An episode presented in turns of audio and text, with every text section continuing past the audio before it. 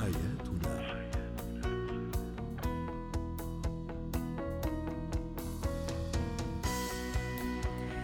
مجدد وتحية لكل مستمعينا ومستمعاتنا. أنتم تستمعون لبرنامج حياتنا برنامجكم اليومي الذي يعنى بشؤون الأسرة وباقي الشؤون الحياتية الأخرى.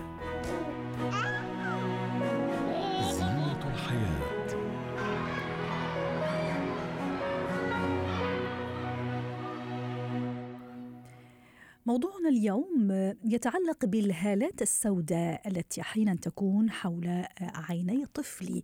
ما هي أسباب ظهور الهالات السوداء عند الأطفال؟ الحديث عن هذا الموضوع ينضم إلينا عبر الهاتف دكتور سامح فهمي اختصاصي الأمراض الجلدية والتجميل. مساء الخير دكتور سامح. أحيانا أقول إنه لسه بدري كثير لتظهر الهالات السوداء حول عيون طفلي أو أطفالي. لماذا هذه المشكلة؟ هل مرتبطة بعوامل وراثية أم ماذا؟ طبعا ده موضوع مؤرق جدا لبعض الأهالي وهو لما يكون لسه طفل صغير ويظهر له هالات دي حاجة مش كويسة بس هي طبعا من أهم الأسباب زي ما حضرتك قلتي هي السبب الوراثي تبقى كومن أو في بعض العائلات تلاقيهم كلهم عندهم هالات. آه تاني سبب وهو مهم مهم جدا وفي ناس كتير قوي بيغفلوا عنه إن بعض الأطفال بالذات في السن من من من أول ما يتولدوا لغاية سن 12 سنة أو قبل البلوغ بيبقى عندهم إكزيما اسمها إكزيما أتوبية ودي بتتميز بالجفاف بالجفاف بالذات في المنطقة تحت العين. فكتير قوي من ضمن الأسباب إن هم مش عارفين السبب اللي هو الحالات السوداء بتبقى نتيجة الجفاف الناتج عن الإكزيما الأتوبية.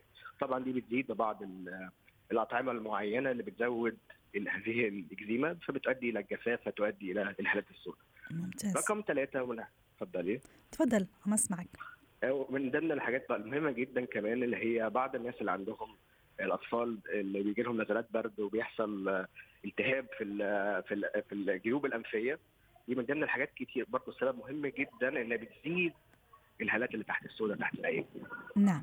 دكتور سامح هل للون البشرة علاقة بالموضوع؟ بمعنى الأطفال اللي بشرتهم فاتحة وتميل شوي للبياض هم أيضا أطفال معرضين لهذا النوع من المشاكل؟ آه يعني إلى حد ما بيتأثر لون البشرة إلى حد ما بس مش ده السبب الأساسي. بس بت يعني هي بتبان الهالات كتير في الناس اللي هم اوريدي بشرتهم فاتحة لأن بتبان الفرق بين تحت العين وبين بقية الوجه.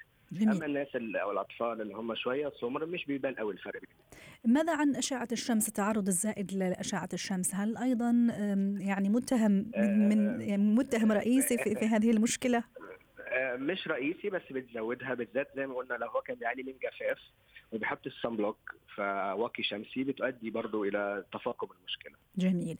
أه نقص الحديد دكتور سامح اللي يعني يعني إنه فقر الدم هل قد يكون من بين الأسباب؟ طبعا طبعا ليه دور كبير جدا الأنيميا ونقص الحديد من الحاجات المهمة جدا في في ظهور الهالات السوداء عند الأطفال. نعم.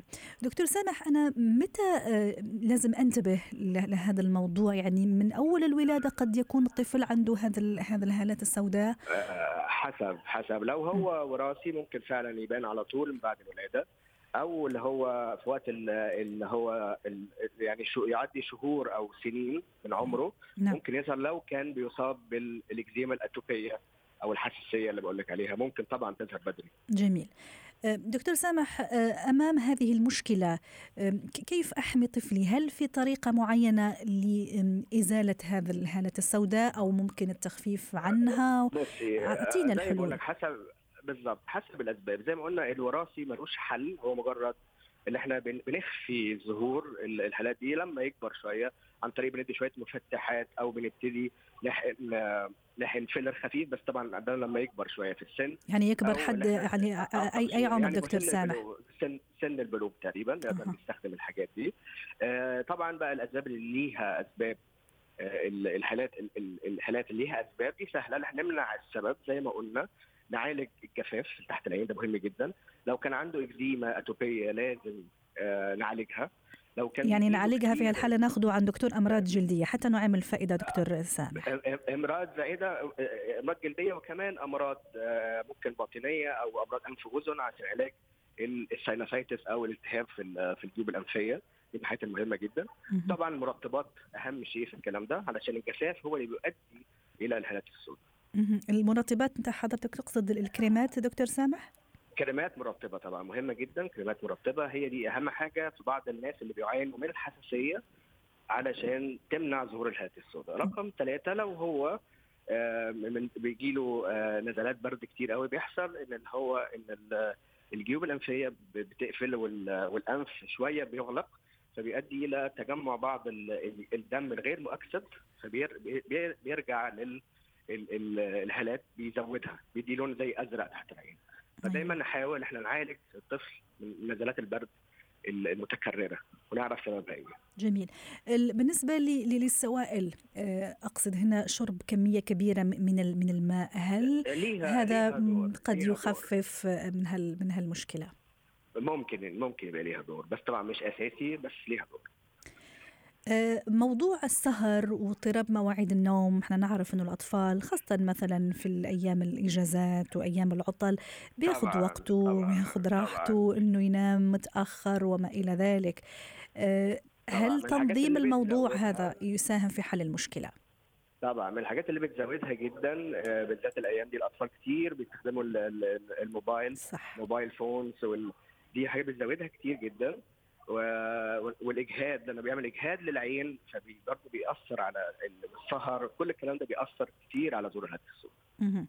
آه، حتى نختم أيضا دكتور سامح موضوع ال- النظام الغذائي هل في نظام غذائي معين ينصح به لهذا النوع من الأطفال الن- النظام الغذائي اللي هو يشوف آه، ينفع فقط للأطفال اللي يعانوا من جفاف ومن إكزيما أو حساسية أتوبية انها الحساسية الأتوبية بتزيد عن بعض المواد بعض الأكل الاطعمه اللي فيها آه، منتجات ألبان.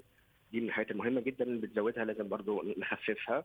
نعم. آه، وبعض الح- الحاجات الثانية زي بعض الفواكه مثل الفراولة. نعم. شكرا لك دكتور سامح فهمي اختصاصي الأمراض الجلدية والتجميل ضيفنا من دبي.